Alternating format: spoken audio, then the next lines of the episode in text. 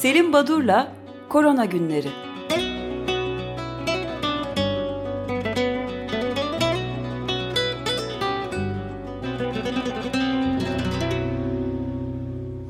Günaydın Selim Badur, merhabalar. Günaydın, günaydın herkese merhabalar, Günaydın. iyi haftalar, günaydın.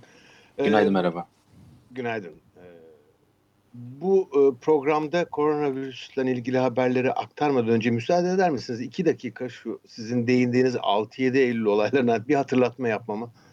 Ee, Ee, lütfen. Bu arada ben de şeyi söyleyeyim. Ee, Didem hatırlattı bize. Ee, internet sitesinde bu yaptığımız özel yayının bütün kayıtlarını izlemek mümkün. Açık Radyo web sitesinden. Evet. Şimdi 6-7 Eylül olaylarından bahsettiniz. Bu olayların başlamasının neden olan Atatürk'ün evine bomba atılması olayıyla ilgili e, Yunanistan'da Türkiye'nin verdiği bursla üniversiteyi devam eden bir öğrenci 21 yaşında Oktay Engin suçlanıyor ve kendisi tutuklanıyor. Daha sonra Türkiye'ye kaçıp geliyor. İlginç olan ve söylemek istediğim bu kişi İstanbul Üniversitesi Hukuk Fakültesi 2. sınıftan eğitimine devam ediyor. Okul bitince kaymakamlık sınavına kazanıyor. Çankaya Kaymakamlığı, Emniyet Genel Müdürlüğü, Siyasi İşler Müdürlüğü ve Nevşehir Valiliği yapıyor ki bu e, görevlerinin sonunda da Abdullah Çatlı'ya pasaportu veren kişi. Kendisinin Emniyet Genel Müdürlüğü görevine Hayrettin Nakipoğlu tarafından emniyete çalışmak üzere davet edildikten sonra atandığı biliniyor. Bu Nakipoğlu da 6-7 Eylül olaylarında e, Beyoğlu Kaymakamı. Böyle bir e, bağlantılar var. Bunu hatırlatmak istedim müsaadenizle. Evet, Şimdi özel korona- harp. Evet. e, korona günlerine gelince çok e, duyarlı olan e, ve dikkatli açık radyo dinleyicilerinin bir uyarısını aldım. E, se- sevgili Can iletti.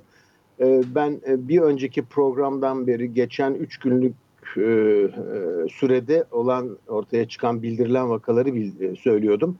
Aslında bunun 3 gün değil 4 gün olduğunu uyardılar. Perşembeden pazartesine haklılar özür dilerim. Ee, geçen hafta Perşembe gününden bugüne dek e, 1 milyon 65 bin 851 vaka. Günlük e, 266 bin 463 yani hız kesmeden küresel boyutlarda devam ediyor. İki ilginç çalışma var bu haftaya damgasını vuran. Ee, ancak e, onlardan e, onları söylemeden önce müsaadenizle şu ülkelerdeki duruma bir kısaca göz atmak istiyorum. Brezilya'da ve Hindistan'da her ikisinde de 4 milyondan fazla olgu bu sınır geçildi. İsviçre'de Nisan'dan beri en yüksek sayıya ulaşıldı. Hollanda'da Cuma günü 700 yine olgu ortaya çıktı ve Yeni Zelanda'da hani her şey yolunda gidiyordu hatırlarsanız 3 ay sonunda ilk e, ölen vaka bildirildi. E, Avustralya'da seyahat yasağını e, ki ülkeye giriş çıkışları 3 ay daha uzattı. Şimdi Fransa'da e, okullar açıldı biliyorsunuz ama Fransa'da e, pazar günü sadece 8550 vaka e, bildirilmiş. E, ve bu ortamda Fransa'da e, işte farklı e, illerde farklı e, uygulamalar yapılıyor. E, şimdiye dek okullar açılmasının üzerinden 5 gün geçtiği halde 22 okul kapatılmış. Yaklaşık yüzden fazla da sınıf kapatılmış. Bazıları e, bir sınıfta olgu çıkınca sınıfı kapıyorlar, bazıları okulu kapıyorlar. Farklı uygulamalar var. Şimdi Fransa'da bugün, yani dün akşam itibariyle haftalık olgu sayısındaki artış bir hafta içinde yüzde otuz, hastalıklarda yüzde on beş e, şeklinde e, saptandı. Böyle giderse Aralık'ta feci bir duruma gireriz diyen e, Fransa'daki bilim insanları e, dikkat çekiyorlar bu olumsuzluğa. Son 24 saatte Hindistan'da rekor sayıda olgu bildirildi. 83.883 bu çok yüksek bir sayı. Ee, Evet, ve- Hindistan'da ikinci sıraya yükselmiş görünüyor. Evet. Ee, Amerika Birleşik Devletleri hala en yüksek vaka ve ölüm sayısı açısından Evet. ama Hindistan ikinci sıraya Brezilya'yı geçerek ikinci sıraya yükselmiş durumda.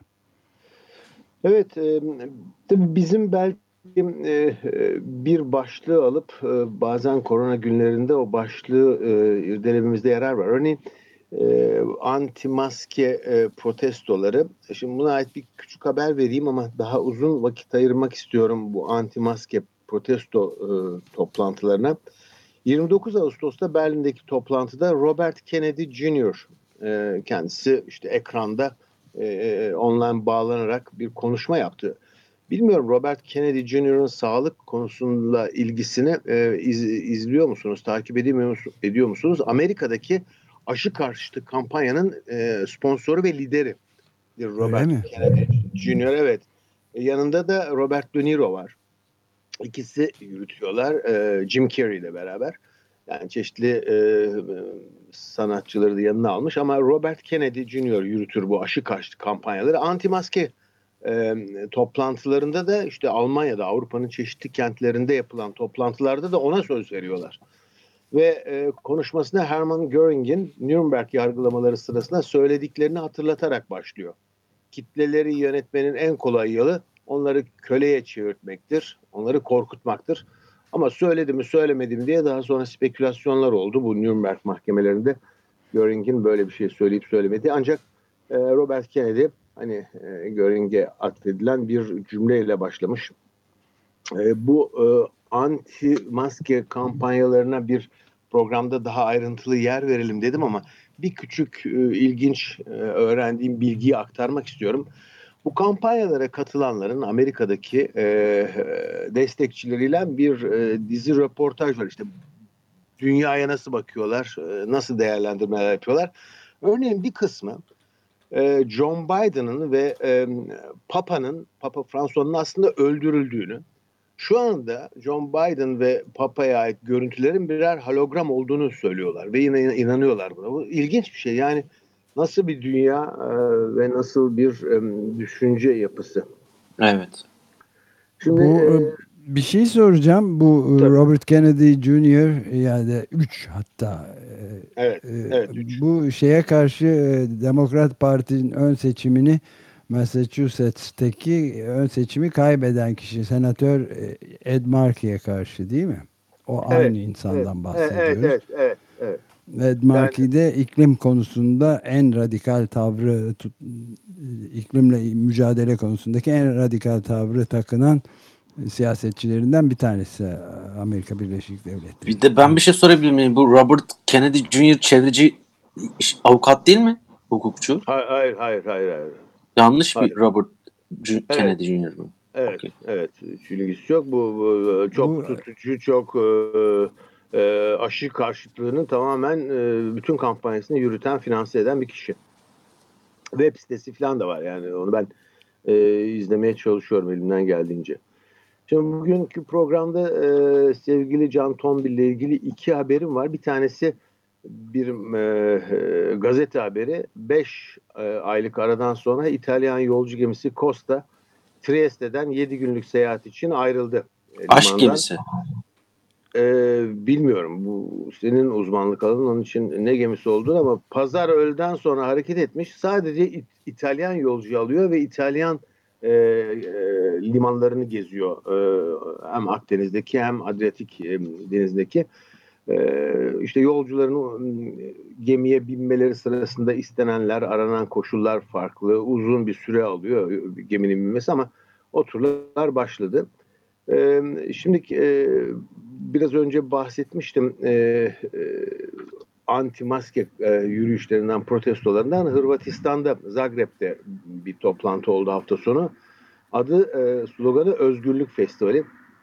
E, aslında ilk e, aylarda e, koronavirüsle mücadelede başarılı bir e, portre çizdi e, Hırvatistan ve e, günde yaklaşık 100 olguyu aşmadılar. Mayıs'tan beri de hemen hemen yok gibi olgu. Ancak sınırları aştılar ve şu anda günde 200'den fazla olgu var. Geçen hafta sonunda 369 olgu bildirilmiş. İsrail yeni önlemler alıyor. Bu konu İsrail bizim için ilginç çünkü e, İsrail biz bu açıdan hiç değerlendirmemiştik. Nüfusa göre olgu sayısına baktığınız zaman Amerika Birleşik Devletleri ve Brezilya'nın üzerinde İsrail.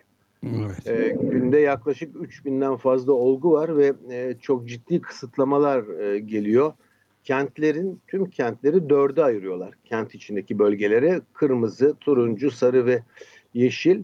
E, kırmızıda okullar ve hayatı olmayan iş yerlerinin tamamı e, pazartesiden sonra kapatılacağı ilan edildi. Aslında yeşil kent e, kalmamış İsrail'de yani olgunun az olduğu ve Enerji Bakanı Yuval Stenitz'in her yeri iki hafta kapatmamız lazım. Yoksa e, aylarca kırmızı kalacak bizim kentlerimiz diyor. Ama ultra ortodoks hükümet üyeleri 18 Eylül tarihlerinde Rosh Hashanah ve e, Yom Kippur bayramları sırasında sinagogların kapatılmasına tamamen karşılar. Acaba kapatılsın mı, kapatılmasın mı? Evet. Bu arada ben de ufak bir düzeltme yapayım. Ee, benim evet. sözünü ettiğim Ed Markey'e karşı Massachusetts ön seçimini kaybeden bir başka Junior, Kennedy Junior, Joseph Kennedy 3'müş. Onu da ha, düzeltir, özür dilerim. Demek ki çok fazla Junior Kennedy var. Bir evet. de John Tombil'in Kennedy'si var. Evet. Şimdi e, zorunlu aşıya karşı sloganıyla e, sadece maske değil aşıya karşı e, sloganlar da söylenmeye başladı bu e, anti önlem protestoları sırasında.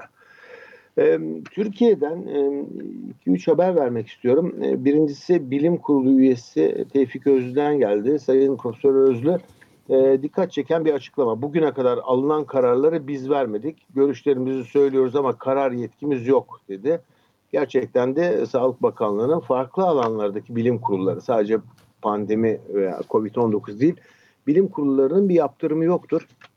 Ama e, söyledikleri e, o zaman ne işe yarıyor ve neden oradalar? E, hani en azından bir bilimsel e, yönlendirici rehberlik yapma görevi olduğunu düşünüyorum. Bu konu ayrı bir konu. E, üzerine durulması gereken bir konu. Ancak e, çeşitli açıklamalar oldu hafta sonu Türkiye'den. Örneğin İstanbul Tıp Fakültesi Dekanı Profesör Doktor Tufan Tükek çember daralıyor dedi e, ve yoğun bakımların nedenli yoğun olduğunu, e, yakınlarımızdan çok fazla hastalanan var. E, insanlar ne yapacaklarını soruyorlar hekim arkadaşlarımız dedi. Gazi Üniversitesi Hastanesi Başhekimi e, Profesör Arhan'da yoğun bakımlarımız Gazi Üniversitesi Tıp Fakültesi'nde yüzde yüz doldu ve olgular da Mayıs ayına göre daha ağır seyrediyor dedi. Sağlık Bilimleri Üniversitesi Rektör Yardımcısı ki e, benim bulunduğum mikrobiyoloji enfeksiyon hastalıkları camiasından tanıdığım bir arkadaşımızdır. Profesör Doktor Kemalettin Aydın. Kendisi bir dönem e, adalet, e, AKP milletvekili de yaptı. Ekim'de İstanbul birinci sıralara çıkabilir ve hafta sonları yasağa tekrar gelebilir dedi. Şimdi bütün bunlar e, ilginç demeçlerdi. Ancak biraz daha bilimsel yayınlara bakmak gerekirse eğer hatırlayacaksınız e, içlerinde e, bir dizi bilim insanı Hasan Bayram, Nurdan Köktürk, Osman Elbek, Oğuz Kılınç, Abdullah Sayıner ve Elif Dağlı'nın oğlu e, Türk Toraks Derneği e, üyeleri e, 15 Ağustos'ta Lancet dergisine bir yazı yazdılar. Sağlık Bakanlığı'nı e, şeffaflığa davet eden özellikle Türkiye'deki bilimsel çalışmaların e, bir denetimden geçmesi, izin alma zorunluluğunun getirilmesinin hani e, doğru bir e, yaklaşım ve karar olmadığını belirten bir yazıları çıkmıştı. Buna aynı dergide Lancet'te Doktor Fahrettin Koca, Sağlık Bakanı'nın bir yazısı çıktı. Kendisi tek imzalamış. Promotion of Scientific Research on COVID-19 in Turkey ismiyle. Bir kere e, diyor ki Toraks Derneği üyeleri yanlış bilgi veriyorlar diyor. Türkiye'deki her şey çok şeffaftır. E, örneğin diyor bir e, hekim uygun gör PCR testi isteyebilir ve bu aslında çok doğru bir e, durumu yansıtmıyor. Çünkü e, bugün biliyoruz ki PCR testi herkese yapılmıyor. Ee, yani bakan bu konuda çok iyimser ya da e, alanda e, ne olup bittiğini pratikte tam bilmiyor. İkincisi bu ilginç. E, PCR testinin sonucunu beklemeden de Türkiye'deki hekimlerimiz tedaviye başlayacaklardır. Bunu e, yapıyorlar zaten diyor. O zaman zaten duyarlılığı tartışma konusu olan ve sonucu beklenmeden tedaviye başlanıyorsa eğer klinik olarak COVID-19 tanısı alan olgulara e o zaman bu PCR testi niye yapılıyor? Bu da ayrı bir konu ama Sağlık Bakanlığı yazısında şimdiye kadar Türkiye'de 9317 bilimsel çalışma 1 Eylül tarihine kadar bakanlıktan izin için e, başvuruda bulunmuş. Bunların içinde hiçbir kısıtlama yapılmıyor. E, o zaman kısıtlama yapılmıyorsa neden başvuru isteniyor? Bu ayrı bir konu. Ama e, Sağlık Bak ilgili en çarpıcı ya da en e, ironik olay hafta sonu e, yaşandı. Journal of Geriantoloji dergisinde yayınlandı. Bu yayın yayında 11 Mart 27 Mayıs tarihleri arasında 60 yaş üzeri PCR testi pozitif olan hastaların irdelendiği, özelliklerinin belirlendiği bir yazı. Yazının amacı 21 Mart tarihinde 65 yaş ve üzerindeki vatandaşlara getirilen sokağa çıkma yasağının etkisini değerlendirmek ve e, bu çalışma yaparken işte kaç kişi hastalandı, kaç kişi öldü deniyor. E, örneğin e, denmiş ki e, e, ölüm sayısı 1080 diyor. Şimdi yazıda 1080 e, 65 yaş üzeri bireyin Sağlık Bakanlığı'nın e, açıklamaları aynı grup için 574. Yazıda 1081 deniyor. Bakanlık statistiklerinde 574 deniyor. E peki çelişki var diyeceksiniz. Hayır o kadar basit değil. Çünkü yazıyı yazıya, yazan ekibin yarısı bakanlık görevlisi. Şimdi çok ironik bir şey. Çünkü bakanlık görevlileri bakanlığın resmi e, e, istatistiklerinden farklı bir takım sayısal değerlere yer veriyorlar çalışmalarında. E, iki önemli çalışma var dedim hafta sonu e, ortaya çıkan. Bunları e, değinmek istiyorum. Yarın biraz aşılara bakarız. Şimdi bir tanesi mutasyonlar konusunda bir çalışma. Ee, önemli bir çalışma çünkü e, Lancet dergisinde yayınlandı. E, Barna Bing ve arkadaşlarının 382 nükleotit delesyonu bu delesyondan yani e, genomun içindeki bir bölgenin kaybolması, kopması. E, 382 nükleotitlik bir bölge kopmuş. Böyle bir takım virüsler var. Bu e, genetik olarak eksik e, virüsler diyelim. Daha önce bildirilmişti ama bu çalışmada e, böyle özelliğe sahip virüs ile enfekte olan hastaların hastalığı nasıl atlattıklarına bakılmış. Kısacası e, herhangi bir değişime uğramamış, mutasyona uğramamış virüsle enfekte olanlarla kıyaslandığında bu delesyona sahip 382 nükleotiti çıkmış olan bir genom ile e, genomlu virüs ile enfekte olanların e, bu eksik virüste e, enfekte olanların hastalığı çok daha hafif atlattıkları ve %30 civarında bunlara oksijen desteğinin gerekmediği ya da daha az gerektiği gösterilmiş. Şimdi işin e, e, ilginç ve e, hani benim beklediğim bir ama e, Ekim-Kasım için beklediğim bir yazı e, çıktı. Bu e, Sayın Can Tombil'i direkt ilgilendireceği için kendisine addediyorum bu yazıyı. Evet efendim dinliyorum. Döni Logunov ve arkadaşları yine Lancet dergisinde Rusya'da geliştirilen aşının özelliklerini ve ilk bulgularını bilimsel makale halinde yayınladılar hafta sonu. Evet. Şimdi genellikle bir makale yok, bilimsel makale yok diye Putin'in açıklamaları eleştirilirdi. Ancak ben de şu hatırlatmayı yapmaya çalışmıştım korona günlerinde.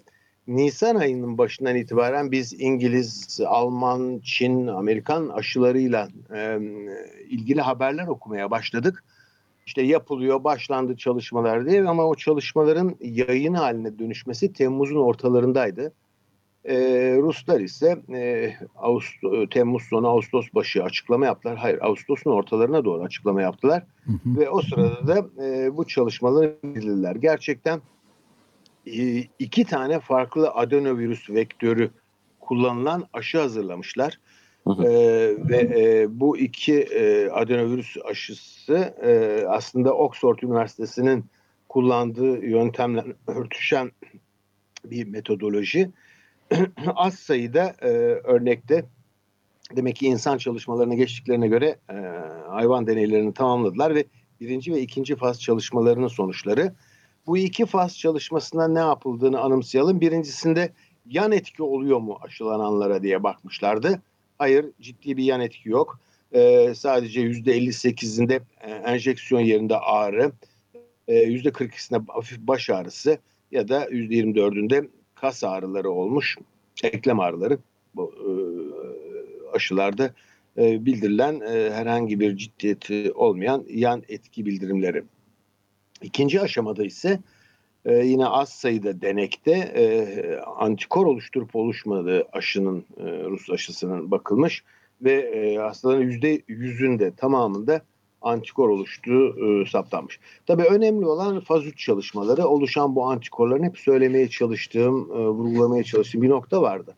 E, siz modern e, aşı hazırlama teknolojilerini kullanarak yan etkisi olmayan ve e, antikor oluşturan hem deney hayvanlarında hem de e, faz 2 çalışmalarında insanlarda antikor oluştuğunu gösterebilirsiniz. Bu o kadar zor ya da güç evresi değil aşı hazırlamanın. Önemli olan o oluşan antikorların bir işe yarayıp yaramayacağı.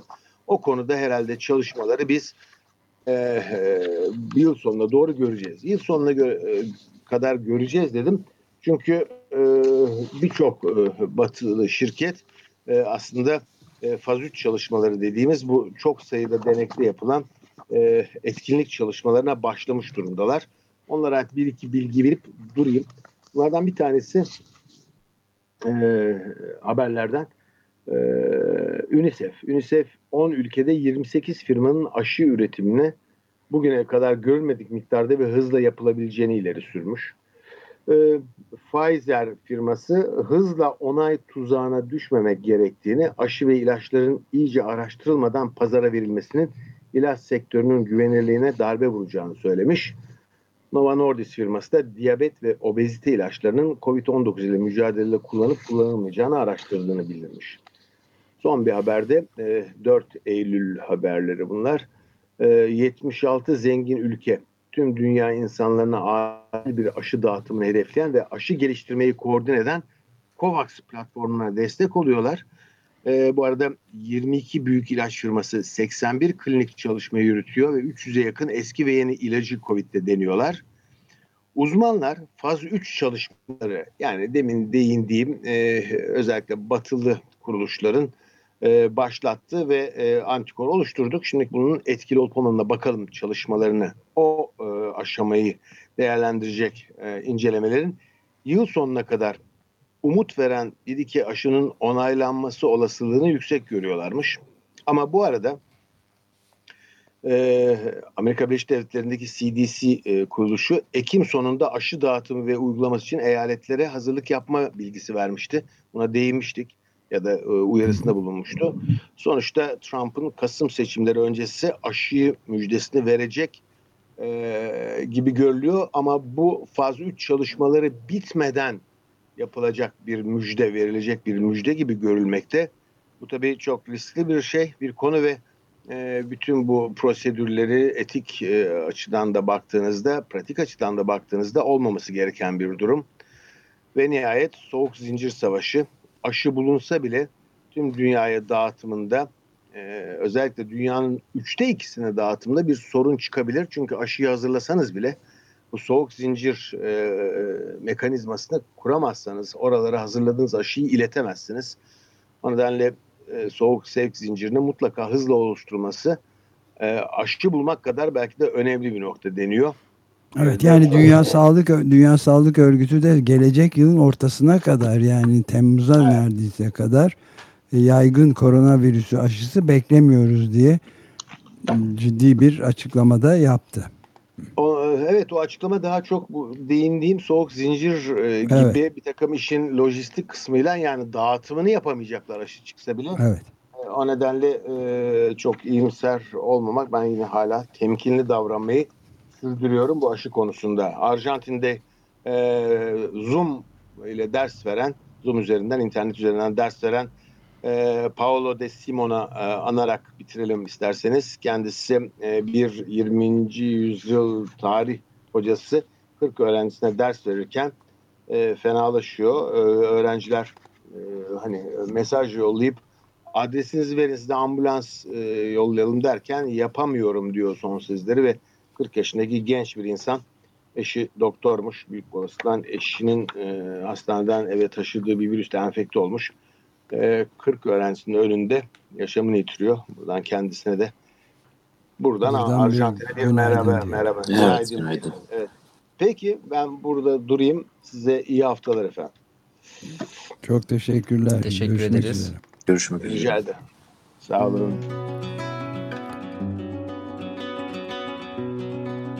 Selim Badur'la Korona Günleri